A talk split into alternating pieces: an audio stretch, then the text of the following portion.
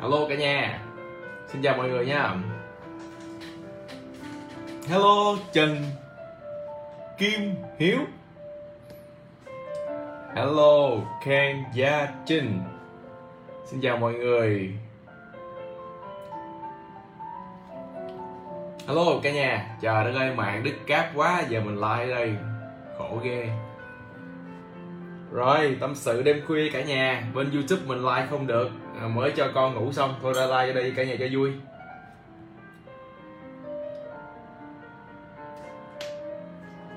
Hello Lê Đình Khôi Chào bé yêu. Chào anh. Yes. Hello Đăng Khoa Phạm. Hello Nguyễn Huấn nha. Chào tất cả mọi người. Này live Facebook hả anh? Yes yes. Ờ, tại vì uh, tính like YouTube luôn. Nhưng mà cái lúc hồi nãy vào uh, đi uh, thị trường xanh nên được vào nhà rồi hả anh hả? Thông minh lắm. À, Thông minh lắm người anh em của tôi. Ừ hồi nãy mình bị đuổi ra khỏi nhà. Nhà thấy không xách cái ba lô đỏ đuổi ra khỏi nhà ngồi ở ngoài sân vườn rồi nọ. Gọi tên em Bian New. Hello Nguyễn Thiên. À thiệt luôn. Hồi nãy mình live với ờ, bên kia đã diệt việc lá lắc rồi. Xong mình vào mình tạo cái banner nó không cho tạo luôn. Tóc anh Duy xài sáp gì vậy? Game mai mình chụp hình cho. Ở nhà. Tại thường thì ờ, tại livestream với đối tác mình xịt swap chứ bình thường mình xịt không mình không xịt.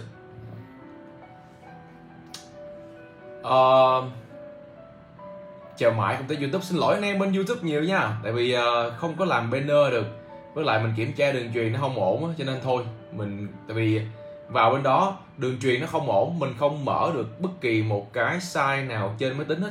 Nó loading hồi nãy người ta gửi cho à, gì quên mất tiêu rồi. Hồi nãy người ta gửi cho mình cái um, cái video mà đau không được luôn. Bình thường sẽ đau uh, ờ, tầm một phút. Giờ nó hiện download 2 tiếng.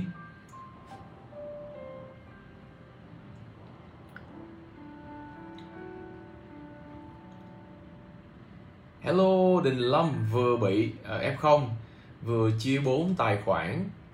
Uh, hết tinh thần thực sự anh ơi. Không sao à, không sao cả. Đối với uh, mình thì uh, F0 rồi sẽ hết chia 4 rồi sẽ về bờ. À, vấn đề chúng ta là uh, coi nó như một cái trải nghiệm uh, đáng đáng trải qua trong cái đời của mọi người thôi không sao cả. Thoải mái lên anh em tại vì trước hay sau gì thì những cái việc đó thì cũng đã việc xảy à, ra rồi. Ha, cho nên là mình sẽ chọn cái giải pháp là, ok, hợp lý và mắc sàn với nó thôi. Không sao cả. CLV tự nhiên trúng một slot thú hồn luôn. Có ai nãy giờ tôi đăng một cái hình long thể bất an. Long, mở lệnh long. Anh em vô coi biểu đồ bên hệ Polkadot là hệ tăng trưởng cực kỳ mạnh. Đáng lẽ mình mình like ở YouTube mình cho anh em coi cái chuyện đó ha. Tăng trưởng cực kỳ mạnh luôn. Mà nhưng mà anh em cũng khoan giúp mình. Ha. À, khoan giúp mình cái bởi vì à, mình cũng vừa đăng hai cái hình. Ở trên cái fanpage này luôn mình vừa đăng hai cái hình. À, hồi sáng mình snapshot một cái hồi đầu buổi sáng. Hồi tối mới vừa nãy 11 giờ mấy 11 giờ 40 mình có snapshot một cái. Thì uh, chắc là người cũ đã quen rồi nhưng mà người mới thì nếu như anh em có thấy hai hình đó thì anh em để ý là nếu như không cần học họa sĩ giống mình mình cũng chưa học họa sĩ và không biết vẽ lắm nhưng mà nhìn vào đôi mắt của chúng ta thì đều có thể thấy được một cái chuyện là um, à đây đây đây đây đây đây, đây. hoài vĩ hả anh Di ơi mọi mọi người ơi em đang tuyển dụng mọi người siêu cho em đi ok để anh kiếm lại cái tin của vị anh pin lên cái. Rồi bên vĩ đang tuyển dụng môn nào nói anh tuyển dụng cho em luôn nè. Đấy thì mấy các bạn hôm bữa giờ hỏi mình là bên team mình có tuyển dụng vị trí nào chưa? Thì có rồi.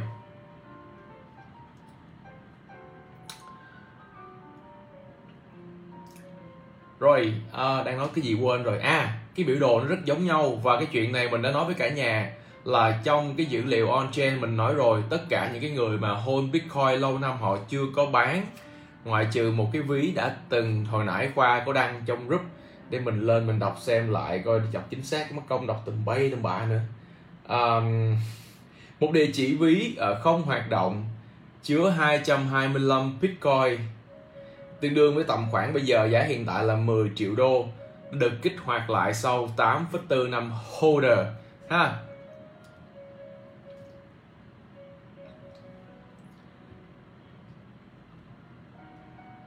Yeah. Chắc anh em nào có thể share cái livestream này vào trong cái group uh, telegram hộ mình cái để mất công ờ, các bạn không biết ngồi chờ trên youtube mình cũng không chưa thông báo nữa tại vì không không like được trên youtube ha rồi không phải bị mạng yếu quá anh em không có làm banner được không có lost được cái website á.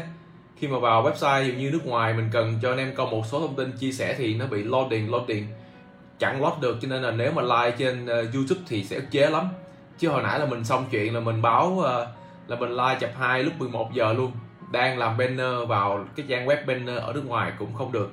Thì vừa thấy VTV đăng cái tin Đức Cát biển AGG gì đó thôi chịu luôn. Rồi. Uh, hiện tại thì uh, để coi à, sắp tới thì bạn thấy vị có tuyển dụng nhá.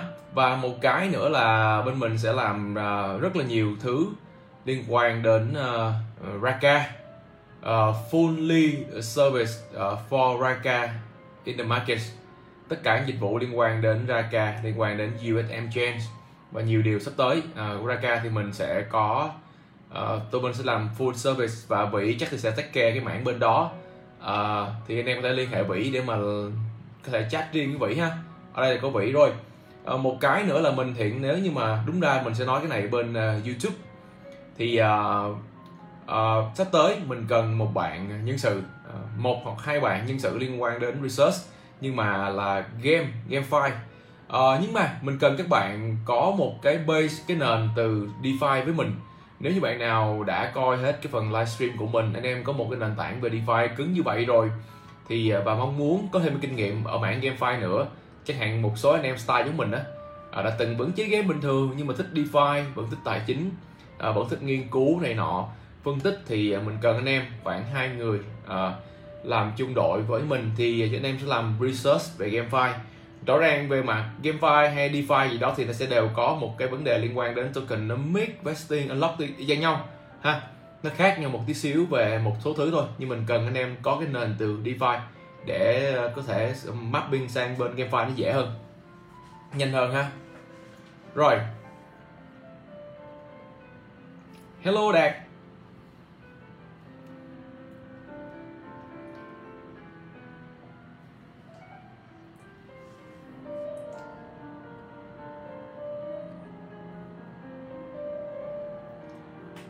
Xin linh với ông ơi cảm ơn. Rồi uh, xin id vị ơi. À drop drop uh, description. Ok thì có thể liên hệ vị ha. Và đúng ra mình sẽ public trên uh, youtube mới đúng hơn. Anh em đang hay coi trên đó nhiều.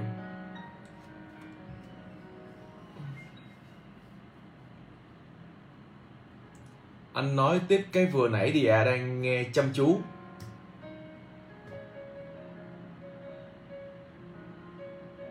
Vẽ chạc là như thế nào ạ? À? à rồi ok. Uh, ok chắc là người mới ờ, khá đông cho nên là mình sẽ nói về lại về vấn đề này. Vẽ chạc là những cái người mà họ làm về market maker.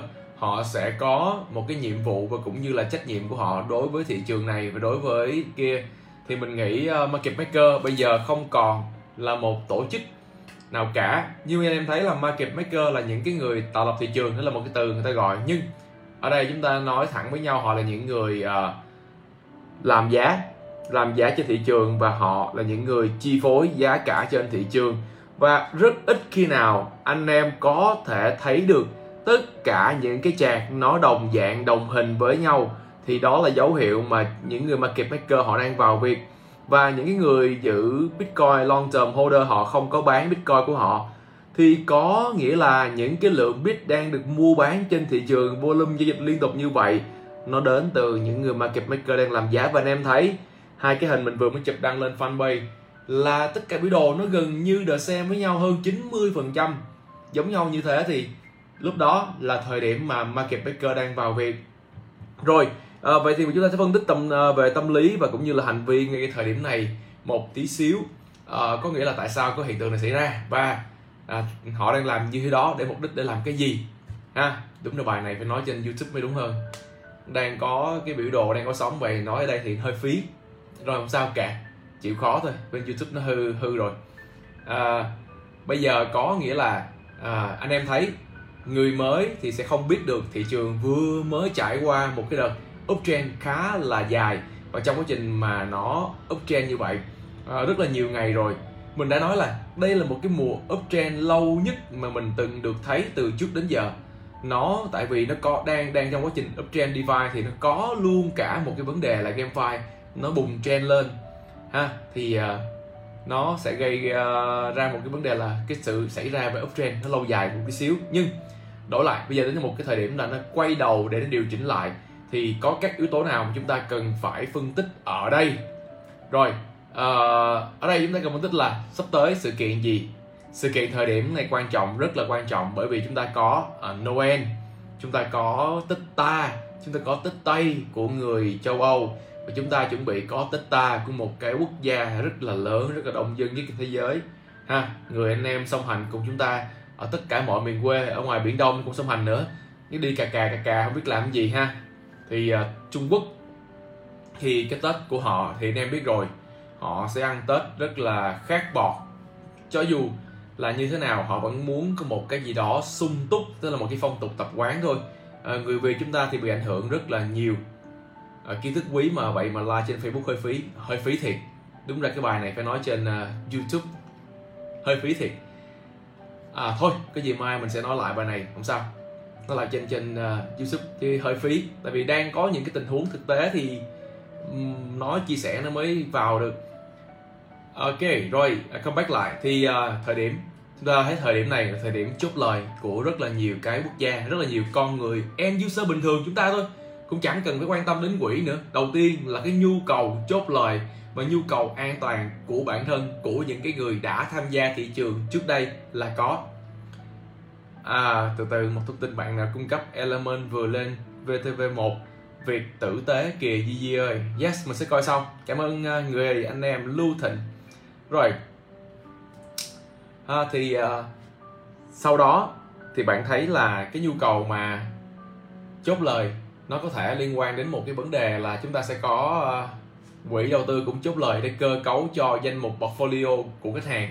Khách hàng có nhu cầu chốt thì bạn sẽ thấy là những cái quỹ sẽ posting posting để chốt xem bao nhiêu phần trăm để mà họ có thể ăn tết trong cái dịp noel này. Đó ra người giàu hay không giàu hay người như thế nào đi nữa thì trong rất là nhiều cái phần phân khúc portfolio thì đều phải cần có tiền. Bởi vì tiền là cái cash đó, là cái cuối cùng để mà cho họ thấy được cái sự đầu tư, sự tăng trưởng và sự thành công của mình, ghi nhận sự thành công của mình trong suốt một quá trình đầu tư trong một năm, ha.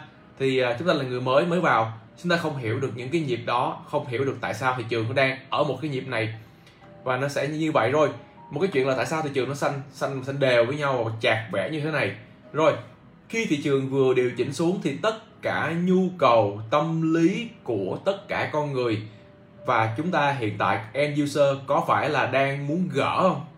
Bạn có đang muốn lấy lại những gì đã mất hay là trong đầu bạn xuất hiện một chuyện là, thôi về vốn là tao chốt đây về vốn là tao chốt đây, tao lại tụi mày luôn trả tiền tao, không chơi nữa đâu. Đúng không ạ? Đúng thì thả tim đi cả nhà, đúng thì thả tim đi comment cho mình cái để mình biết coi mình nói cái này có phải đúng không ạ? Khi mà thị trường nó gặp một vấn đề như thế này nó mới điều chỉnh xuống tài khoản anh em chia hai xong rồi chia ba. Xong rồi một số bạn như hồi nãy là comment chia đến 4 lần. Rồi thì có phải là cái nhu cầu chính xác bên trong inside là anh em muốn gỡ lại chỗ này về vốn rồi anh em nhảy ra khỏi thị trường? Đứng nhìn. Đúng không ạ? Yes. Rồi thì à, anh em nghĩ cái đó là một cái tâm lý đầu tư và cái cái gọi à, trong cái phần um, tâm lý học nó gọi là cái human nature của con người. Tự là một cái bản năng tự nhiên mà trong quá trình đó uh, nó sẽ xảy ra đến với mọi người. Thì cái sự ready sẵn sàng để gỡ và đặc biệt là chúng ta phải nghiên cứu một tí xíu về sự máu lửa của người châu Á trong cái việc cờ bạc. Nó thẳng ra là cờ bạc hay đầu tư gì cũng vậy thôi. Mà bởi vì bên này bây giờ chúng ta đang kiểu như là muốn ăn vội quá cho nên là sẽ có thiên hướng hơi cờ bạc một tí. Ném tiền vào chơi đấy cái chỗ mà ném tiền vào crypto chơi cái từ ném tiền vô xong rồi cái từ chơi crypto nó sẽ gây một thiên hướng là cờ bạc giống như kiểu ném tiền vô bún bài. Ném tiền vô cược cây này một cái. À, ý chơi đánh bài thì tết thôi ném tiền vào đánh cây này mai là thắng luôn. Thì um, cuối cùng là tâm lý cờ bạc trong này nó hơi máu lửa một tí nó hơi cuốn một tí xíu. Thì bạn rất dễ có nhu cầu xuống thêm tiền để mà lấy lại những gì đã mất. Và cuối cùng thị trường nó nhá lên như vậy, nhá lên nhá lên, điều chỉnh nhá lên, nó kích thích cái lòng tham lấy lại tiền nè, lấy lại tiền nè, tới thời điểm lấy lại tiền. Rồi những cái người thua future mặt margin còn cây cú hơn nữa, họ là những cái người ở một cái góc độ gọi là sự cây cú đỉnh cao nhất của thị trường. Họ thu rất nhiều tiền, trong một phút rất nhanh chóng kích kích kích. Lên cũng thua mà xuống cũng thua. Lon sọt cuối cùng gì cũng thua. Thì uh, họ lại có nhu cầu gỡ còn mạnh hơn bạn nữa. Bạn thấy họ bật x25 thì cái nhu cầu gỡ trong máu của họ nó cũng chạy x25 luôn. Ha chết bà mà với tao tối nay tao phải gỡ lại gì? Thấy tao là vô địch. Tao không thể nào thua mày ba cây liên tục được. Ba cây xanh rồi thì cây tiếp theo chắc chắn phải là cây đỏ. Rồi ba cây mày đỏ rồi thì bây giờ chắc chắn này phải xanh đúng không? Đấy, rồi cứ quy luật đỏ xanh. Thì y chang kiếp đỏ đen ha, cũng di mạnh thôi. Rồi kiểu gì mà gỡ bằng cách nào, gỡ chỉ còn cuối cùng còn cái quần đùi ngồi ở ngoài đường như tôi hồi nãy đó. Cầm nguyên một cái ba lô đỏ ngồi ngoài đường luôn, thấy tâm linh dễ sợ. Thì gỡ kiểu gì ha bạn ha? Và khi những cái người chơi cuối cùng end user vào lệnh ngược trở lại. Và market maker hoàn toàn có những công cụ có thể đo đạc được hết à, những cái ứng dụng đó quỷ sứ là mình ngắt anh nói là nhanh chơi future vậy. Sao không chơi mày? Chơi rồi mới ngồi nói được chứ làm sao mà không chơi mà tả như đúng rồi được. Dạ, ngày xưa hơi lì luôn có mấy lệnh làm 125 cháy tài khoản xong vợ chửi quá cấm chơi luôn anh em. Thành ra đâu có được giữ tiền nữa. Cũng ngu như bao người chứ còn chứ có thông minh hơn ai đâu mà. Chẳng qua là té trước thôi rồi tuột cái quần ra rồi khóc lóc kiểu kiểu như là ơ thế nên mình không khôn à? Chịu. Rồi uh, và khi thị trường comeback lại khi các chỉ số đủ để họ làm gì? Chốt lời. Thì họ làm gì ạ? Gặt lúa. Anh em vào cung cấp thanh khoản thì tới lúc họ rút thanh khoản đúng không ạ? À? rút ra. Thế là xong thế là thế thôi. Và uh, đi đến một cái khi anh em là ủa vậy thì uh, đến một cái khi nào mà thị trường nó phục hồi lại?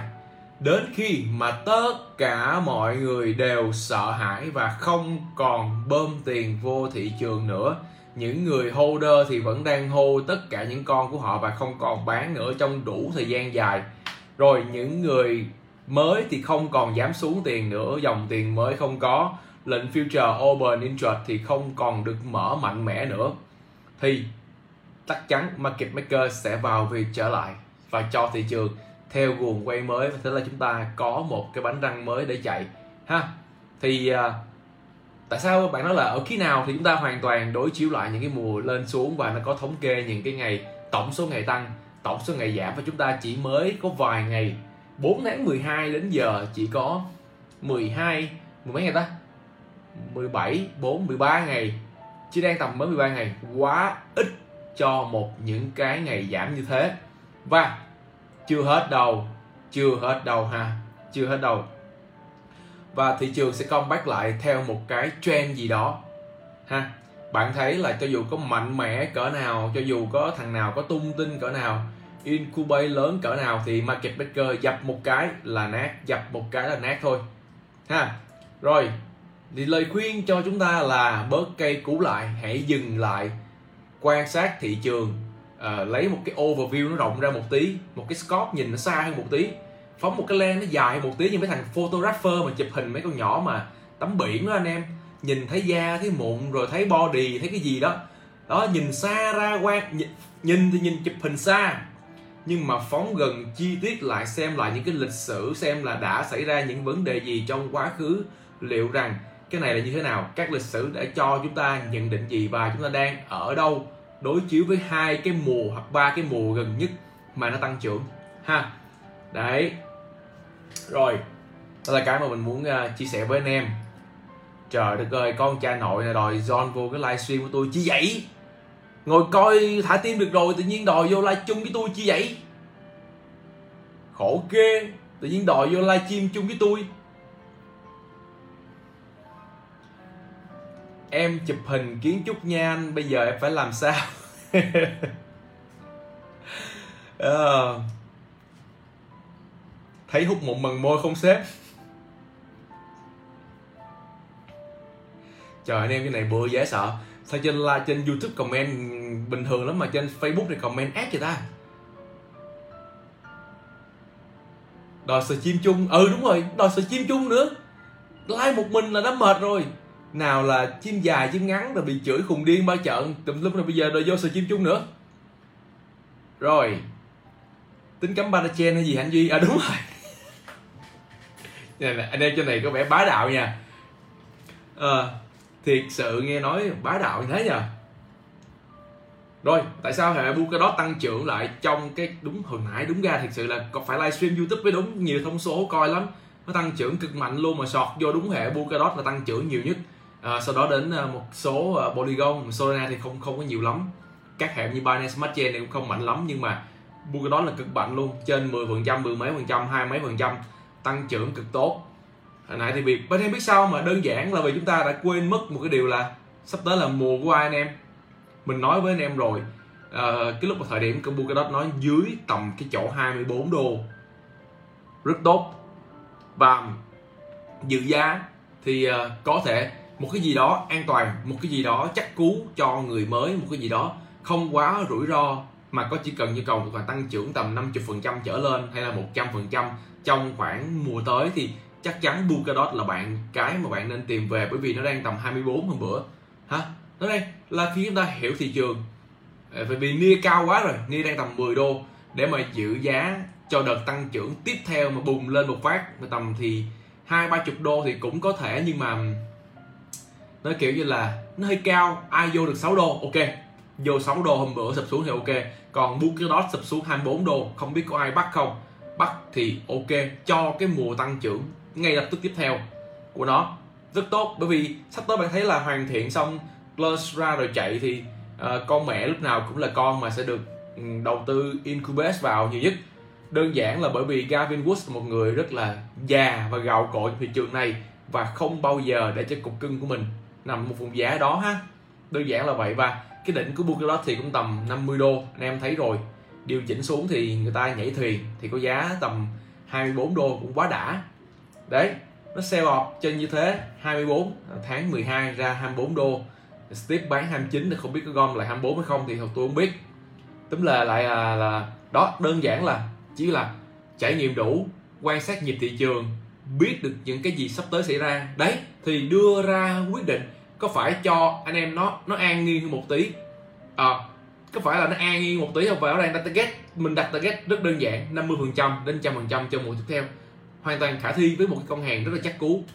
Rất là chắc cú. À, có người thì lock 2 năm luôn. Đấy.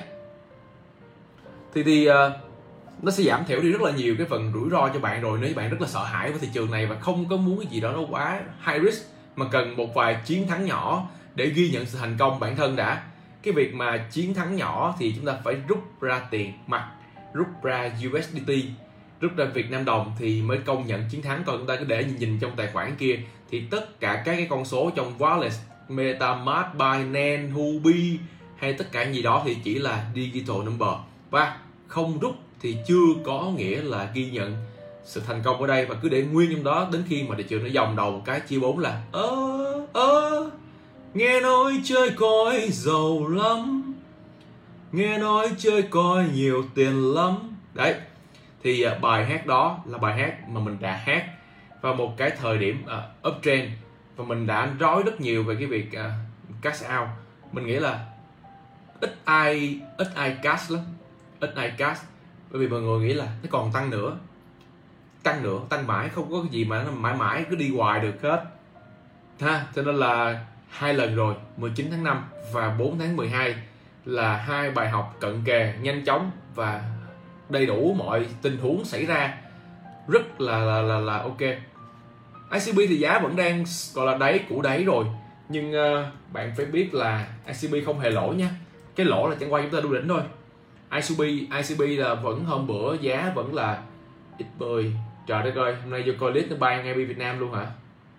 Bắt mình điền uh, thôi bắt mình điền cái uh, hình ảnh uh, kia ha. Rồi.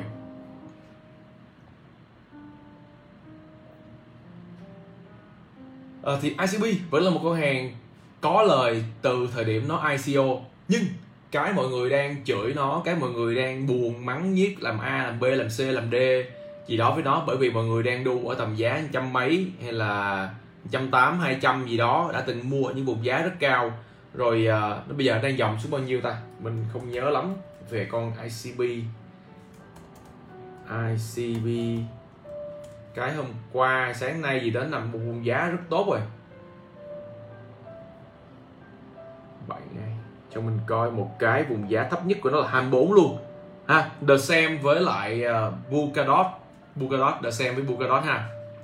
Đó thì uh, còn đừng Element thì quá tốt rồi giá một đô thì bản thân mình cũng đã nhập hàng thêm để tham gia cái sự kiện à, stacking Element để lấy lại NFT à, đối với mình thì à, cái gì đó nó xoay tua ra vòng lãi và mình đang có những cái cơ hội chơi snowball. Và anh em thấy rồi không có dại dột gì mà tôi đang có rất là nhiều box ở Element. À, và tôi mua thêm token của Element và không tí nào rồi. Tôi không skin in the game bên đó cả thì chuyện đó là chuyện phải đương nhiên. Tiền tôi đang nằm ở chỗ đó và mùa này thì mình không có vào DeFi lại chỉ vào có mấy cái con hàng này thôi. Cá nhân mình nghĩ nha, cá nhân mình nghĩ phải có một đợt điều chỉnh nữa. Bởi vì nó đang vẽ, rõ ràng là anh em thấy hai cái chạc là nó đang vẽ và nó vẽ mục đích là dẫn người mới vào thêm tiền, vào thêm tiền thì phải điều chỉnh thêm một phát nữa.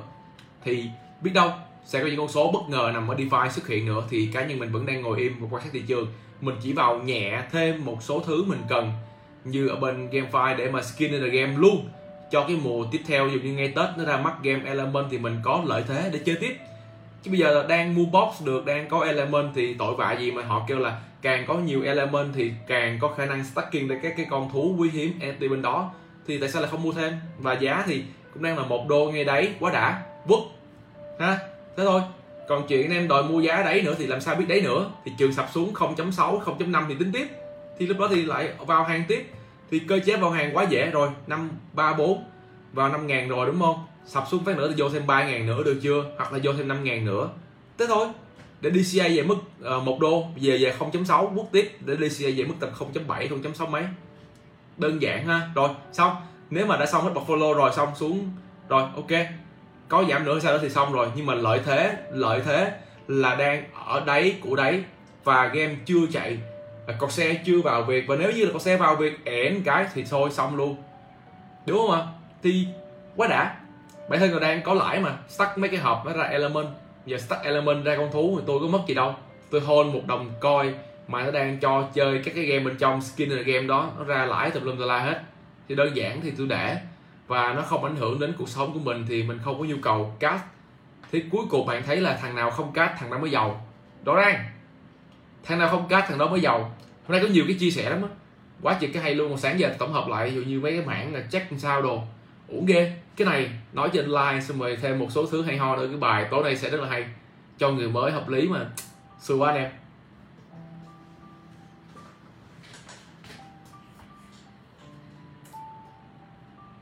Xin mời à, chắc ít ai cũng có ít ai coi lại cái Bitcoin dominant đúng không? Thời điểm này à, tụi Bitcoin dominant và Ethereum nó chiếm hơn đến hơn 60 mấy phần trăm hai thằng cộng lại. Gần 61 mấy phần trăm. Y chang một trước không có gì xảy ra. Để lại tất cả những cái diễn biến trong từng cái chi tiết tách tách tách, tách ra. Y chang y chang lần trước luôn. Không khác gì hết.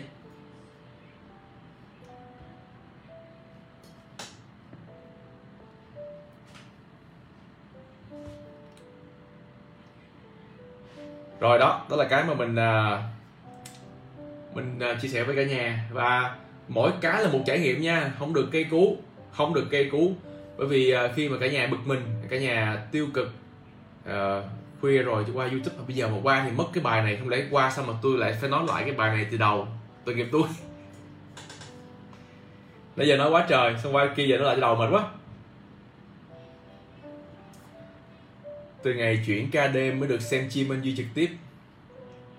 Sắp tới anh Bill, nhóm với hai bạn kia cho vô học hỏi ké.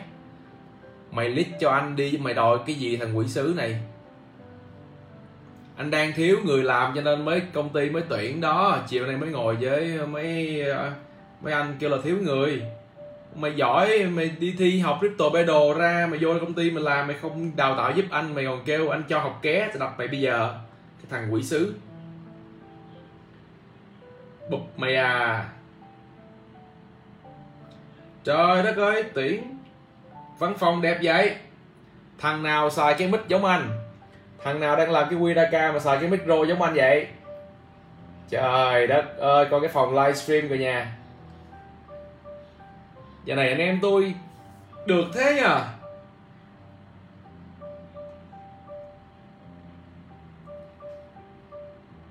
À quay lại cái like này xong rồi up qua youtube à à quên mất, mình để, đang để hình hình dọc rồi. Đúng ha, hợp lý. Quay cái này lật ngang qua.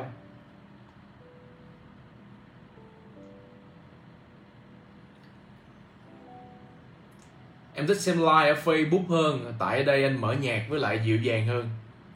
À ở đây mình dịu dàng thiệt. Bên kia là một cái chế độ gì mà nó chế độ uh, khác? Có tuyển frontend không anh? Hình như có. Hình như bên mình đang có hai bạn frontend thì phải. Uh, à sắp tới em sợ Wiraka nhiều việc cho nên học ké thôi à. Về training nhóm văn phòng ok ok. Hợp lý. À gì ghẻ. Không phải tại vì bên uh, youtube cộng đồng đang có quá nhiều cộng đồng làm trước đây á cái những cộng đồng cũ mình không nói uh, kia vấn đề là uh, cái mindset của các bạn nó bị sai ngay từ đầu. Thời điểm đó thì mình chưa có uh, uh, xuất hiện. Và cái mindset mình thấy nó sai sai dữ dội quá.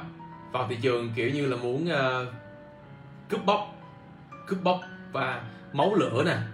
Rất là hăng hăng máu rất là máu chiến không bình tĩnh. Và có nhiều cái hành động xử lý và cào bàn phím uh, kinh khủng khiếp. Kinh khủng khiếp luôn. Cho nên là mình phải cần thay đổi việc đó từ từ và bên đó mình buộc lòng phải bật chế độ dì ghẻ lên và bật chế độ nghệ sĩ hài lên để mà có thể tấu hài cũng như là diễn các cái pha dì ghẻ kinh điển mà tại sao mình diễn như vậy mình cũng không biết nữa. Đây. Đây là tiếng sự cố cáp quan cáp quan đức. Trời đất ơi, chán không thể nào mà tả nổi.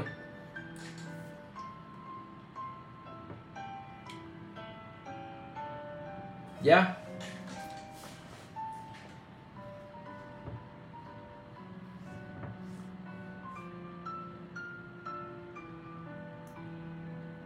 Không sao cả nhà mình nghĩ là đến một thời điểm nào đó thị trường nó thay đổi đủ đủ lớn ha.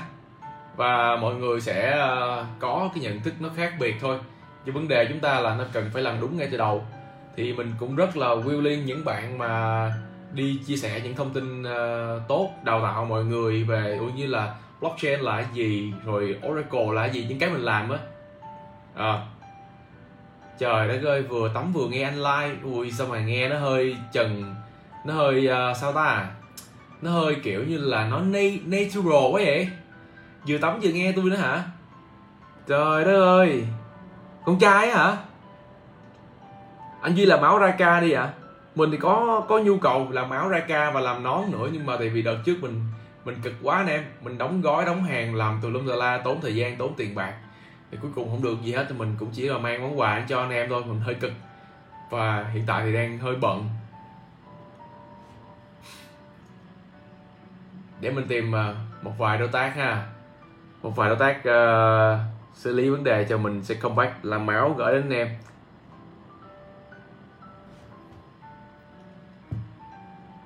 À nghĩ về vốn hóa crypto 2022 đạt bao nhiêu hả? Phải coi là cái độ phổ biến của nó như thế nào ha? Độ phổ biến của nó à, đối với thị trường quốc tế và sự chấp nhận của thị trường quốc tế. Ờ, như bạn thấy là Fed nè rồi các cái đối tác quốc tế nếu như họ ờ, chấp nhận và adapt vào cái sự bùng nổ ở đây á, là mình nghĩ là đến từ Facebook.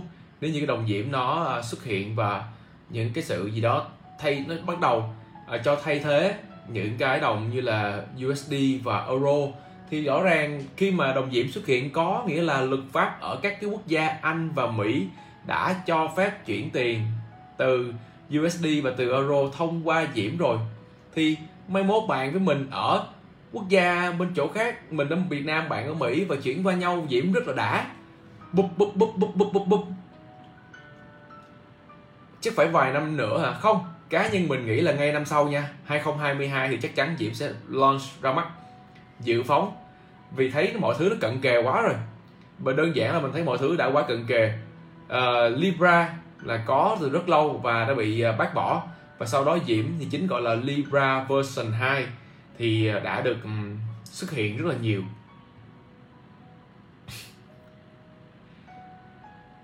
Trời đất ơi, em em in cái mặt anh Duy em dán vô cái crypto success bot à có người in cái mặt của tôi dán vô element đó kêu tôi mệt dễ sợ. Metamon gì đó, metamon. Element vừa lên vtv rồi anh duy làm từ thiện. Yes mình có nghe nãy giờ anh em nói à.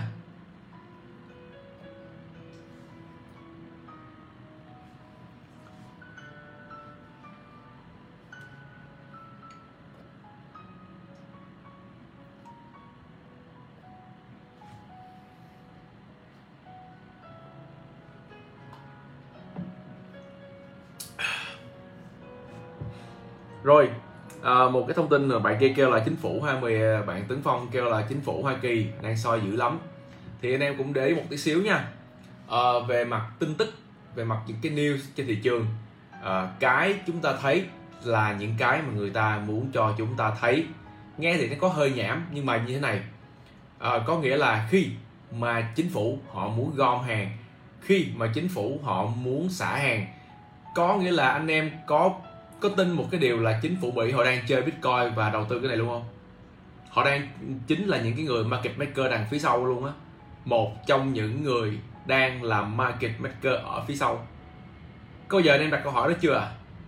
Và đến thời điểm họ cần xả hàng, họ cần mua hàng thì họ phải ra những cái news, những cái sự kiện để hợp thức hóa toàn bộ những cái việc đó. Bản chất cuối cùng của những cái đó thì nó vẫn là quy về tiền cho chính phủ tiền cho cái kia abc z mà.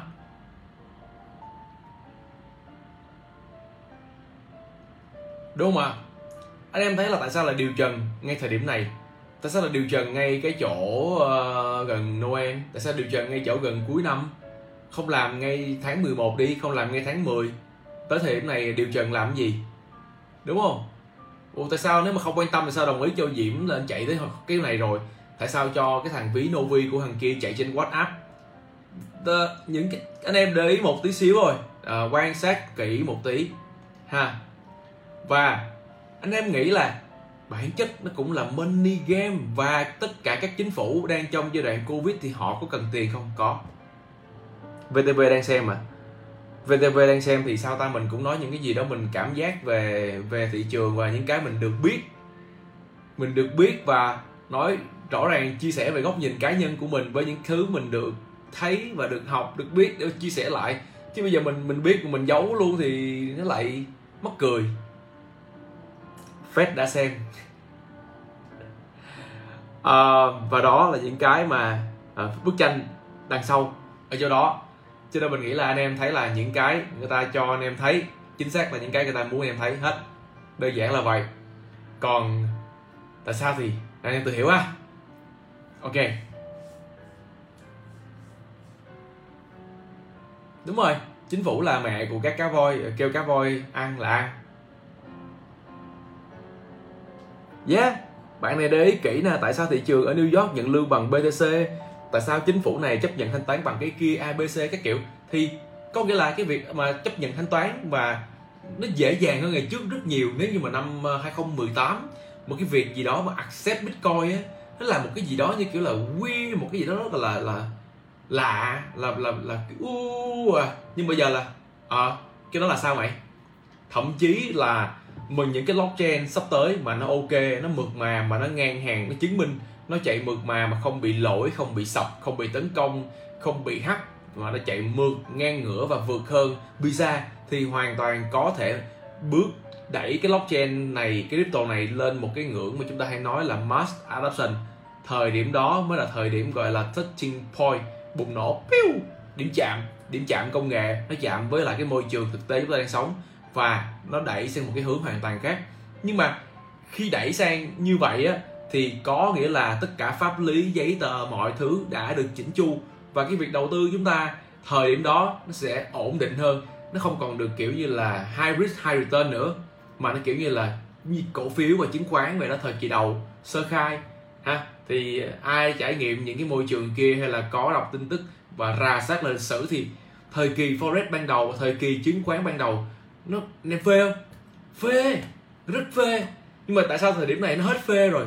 Mọi người biết nhiều quá. Cái gì mà được chấp nhận, được công bố, được cho phép, được a, được b, được c rồi nọ, thì nó luôn đi kèm tất cả những cái policy và những cái rule của quốc gia, của chính phủ đầy đủ tất cả mọi cái.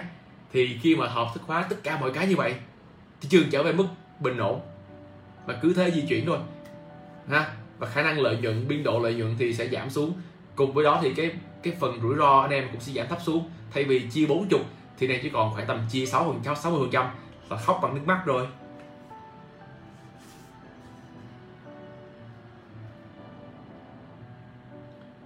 đúng rồi. Thì à, đánh đổi mà. Cái việc đó chúng ta đang đổi cái này lấy cái kia, đến một cái ngưỡng nào mà bị thị trường nó đi vào một cái biên độ như thế thì kia ha. No ban, no gain, chính xác. Không lì, không thắng được. Không chày cối thì à, một số bạn chính xác là no pain no gain. Nếu chúng ta chấp nhận được cái nỗi đau đó và đứng đứng dậy được sau khi bị nỗi đau thì lúc nào chúng ta cũng sẽ có khả năng chiến thắng. Chứ còn bây giờ bạn vừa té xuống một cái đau quá đứng lên mát mẹ thôi. Nãy, nãy con vừa vô kia té ập mặt đau quá. Thôi con không không có đi con đường nữa nữa đâu. Con đường nó kinh khủng khiếp ha. Yeah. Cảm ơn ờ, uh, quan đoàn một ngày đẹp trời kênh Hidden Gem được lên sóng viral tích cực trên VTV hy vọng là vậy. Hy vọng là thế. Rồi um, một một điều đang nói tới cái gì quên rồi. À no ben no game. Thì à, nếu như ai dám tự tin comeback gần lì hơn quay lại thị trường và với những tư duy đúng đắn không có máu chiến nữa ok học được bài học té xuống biết chỗ đó né né né né, né. lần sau đi nhanh hơn. Đi nhanh hơn được rồi thì bắt đầu là sẽ có những bài học khác bắt đầu chạy được ha.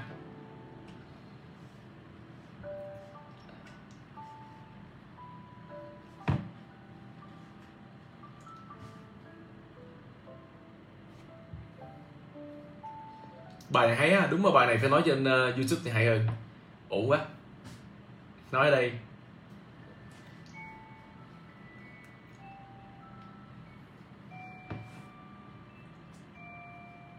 Bật bài cậu cả của gì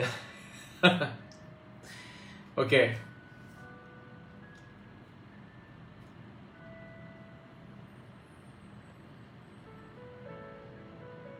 Đúng rồi đúng rồi. Các cái dự án của Nia nó Discord nó chơi vui lắm. Anh em nào đó, cái cái comment của bạn Nguyễn Minh là chính xác nha. Đúng rồi mình đã nói rồi nha. Mà mình nói nha, cái kiểu gì mà con Nia nó dòng về 17 đô 20 đô á, cũng sẽ bị bán gần sạch. Và tất cả những người bán ở đó thì đã bán hết tất cả những cái vị thế của mình. Và vị thế đó không bao giờ có thể mua lại được bán ở một phết 6 thì giống như bạn bán Sol ở tầm 2 đô, giống như bạn bán Avast ở tầm 4 đô. Và trong tương lai, trong một năm, hai năm nữa, bạn không bao giờ cầm được cái con số nữa bạn có thể mua lại nia, nhưng mà bạn mua lại nia ở giá 10 đô, mua lại nia ở giá 15 đô trong vòng một năm tới chẳng hạn, ha? Giống như bây giờ bạn có, chỉ có thể mua Polkadot ở tầm 24 là hết đắt trong cái mùa vừa rồi. Bạn không thể nào mua Polkadot ở 4 đô được. Mặc dù chỉ là một năm trời, đúng một năm, hơn một năm tí xíu, một năm một tháng. Vốn một năm một tháng trước nó chỉ có 3 đô mấy thôi. Nhưng bây giờ chúng ta không thể chạm lại nó ở 3 đô mấy và nhiều thứ như thế diễn ra cho thị trường rồi. Và tâm lý làm thế nào để H O D L gì đó thì đó là bên trong của bạn. Chúng ta thấy nó lời chúng ta muốn chốt lời theo đám đông thì uh, tiền sẽ chảy về nơi chủng và sự uh, cái gì sự cái gì mà mình quên mất cái tiêu cái tớ rồi. Sự giàu có hay sự thịnh vượng gì đó sự may mắn nó không dành cho tất cả. Ê, chỉ dành cho số ít thôi. Cái câu đó hay lắm. Nó chỉ dành cho số ít thôi. Thì sau khi mọi người chốt tất cả những vị thế đó mọi người hạnh phúc ngay thời điểm đó mình nói rồi hạnh phúc ngay thời điểm đó thì cái người hạnh phúc nhất là cái người giữ được nó nằm ở những cái vùng giá kinh điển nhất.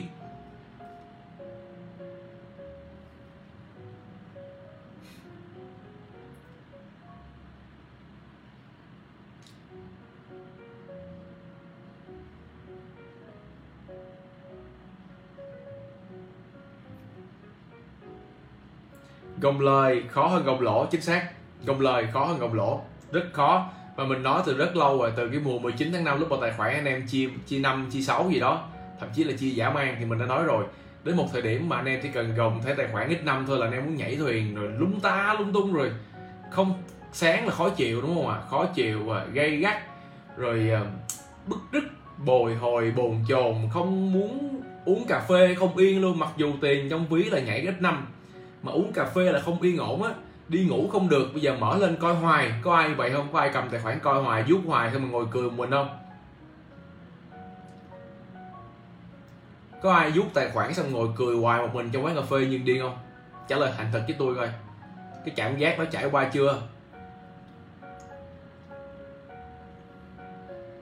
Sẽ cứ vậy cái là bật tài khoản lên là oh my god!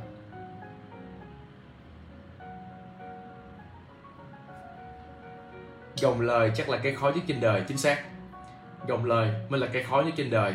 Tại vì à, đến một thời điểm bạn thấy là tất cả chúng ta cùng một cái tư duy, cùng một cái mindset, cùng một kinh nghiệm, cùng một kiến thức, nó đã xem hết rồi. Và đôi khi chúng ta lại là những người cùng ra một quyết định mua một cái con gì đó ở cùng một target, nhưng cuối cùng cái người đỉnh cao hơn, cái người mà gọi là cái chiến thắng không dành cho tất cả, chỉ dành cho số ít đó, thì là cái người mà gồng được cái con đó ở thời kỳ đỉnh cao nhất là bao nhiêu và bao lâu kinh khủng lắm á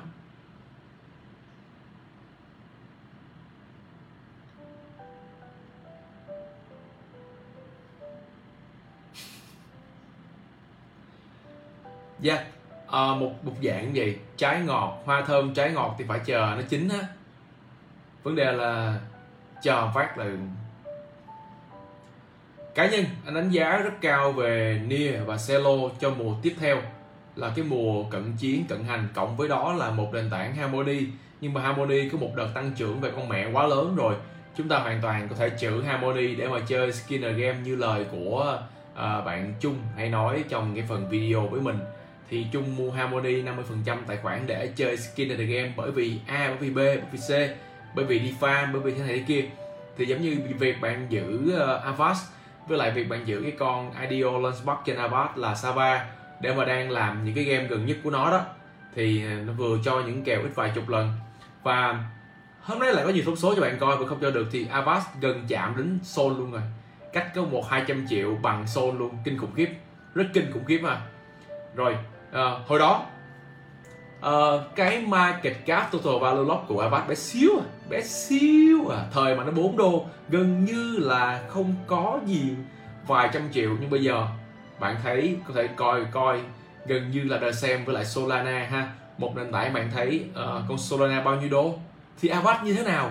Solana đã từng hai đô một đô Avast cũng thế. Từng vài đô 4 đô. Rồi điểm chạm tất pinpoint pum bay pum bay. Và khi bay thì hôm bài hôm phân tích mình vừa hôm qua có trên kênh uh, YouTube cũng đã rồi. Những cái người chốt vị thế của mình và họ sẽ hạnh phúc ở thời điểm đó. Và cái đồng đó nó sẽ đi xuống và nó sideways một tí nữa, nó sẽ dòng lên.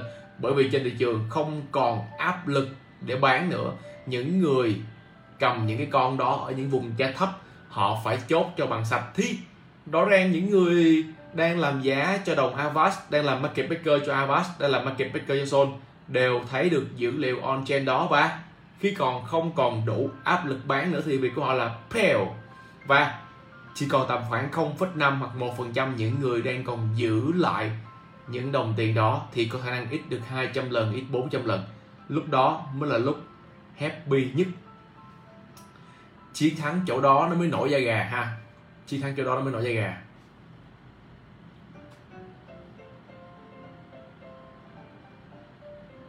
Và nói rồi nha, tầm khoảng à, một năm sau. Có thể cái bài này rất là thú vị đối với một năm sau hoặc tầm 2 năm.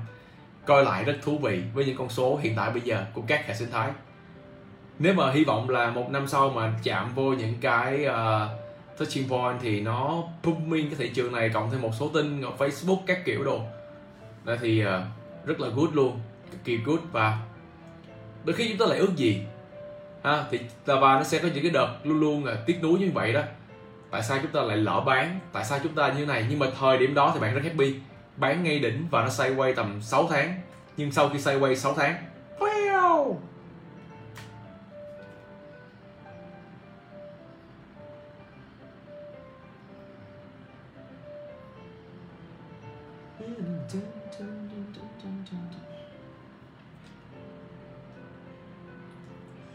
À và rồi nha uh, một bạn đang comment là Polygon một năm sau boom rồi ok chúng ta nói về việc uh, tìm đúng ra hôm nay cũng có bài so sánh về tiềm năng tăng trưởng nữa. Để cho bạn hiểu là uh, con nào có khả năng chạm đến tipping point một lần nữa hay là điểm bùng nổ như là Avast mình có phân tích điểm bùng nổ tại sao bùng nổ đó.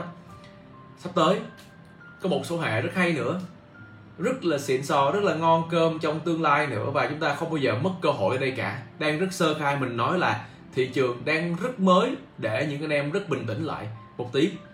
Và mình đang cho một số bạn, anh em khác đang làm marketing, tập cách nghiên cứu, tập cách research. Về cái con hàng mình đã nói rồi, mình đã coi rồi thì à, đây cho anh em research trước. Mới còn mình nói phát cho mấy bạn bỡ ngỡ trước khi mình nói, mình muốn các bạn tự research để xem tới lúc mình nói các bạn hiểu hết vấn đề không? Đó là mình cách mình training cho team mình nó pro luôn. Mình đưa vấn đề ra, đặt vấn đề ra gợi mở một số thứ. Rồi, về tìm hiểu đi. Rồi mình sẽ nói trên livestream, các bạn vào nghe thôi. His my like lại bài này đi anh à thôi.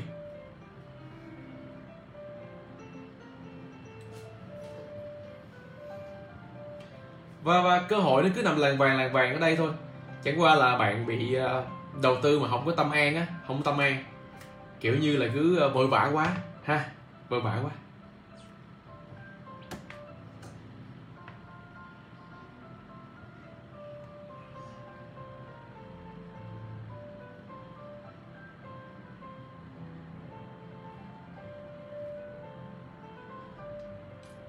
Rồi, ok ha. Nãy giờ tâm sự mọi người bài này đúng hay luôn, bài này quá hay được tâm sự quá vui một cái đêm như thế này.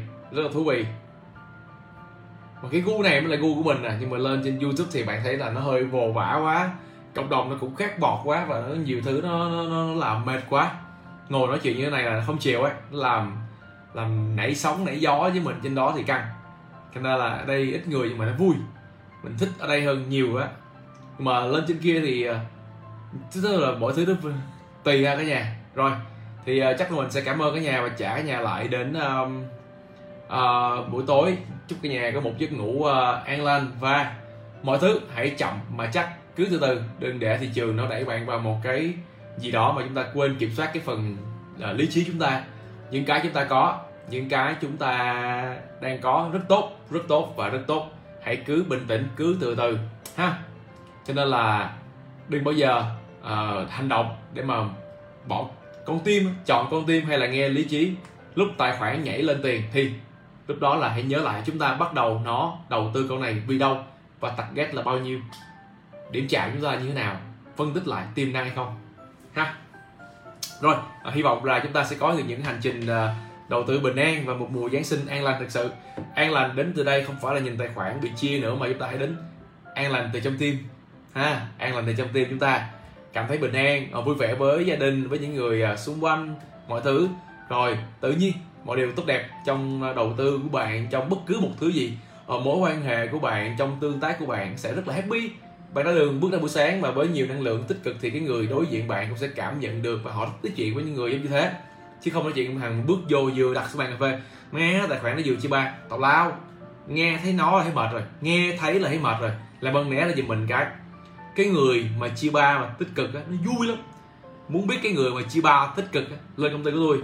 Nó chia ba cái đám luôn vui lắm mà nó vẫn vui như bình thường không sao cả ha. Tức là anh em rất có ý thức về việc đầu tư của mình là như thế nào. Cho nên là họ sẽ không có ảnh hưởng nhiều với những con số nhảy trong tài khoản và họ biết là sẽ làm gì. Đó là cái mình rất thích ở công ty. Cho nên là ok nếu mà gặp những người mà chia ba chia năm mà vẫn vui thì lên công ty của mình ha. Đó là không gây cú hiểu những cái bên này đang làm. Rồi thank you cảm ơn cả nhà rất là nhiều và good night cả nhà. Thank you ha.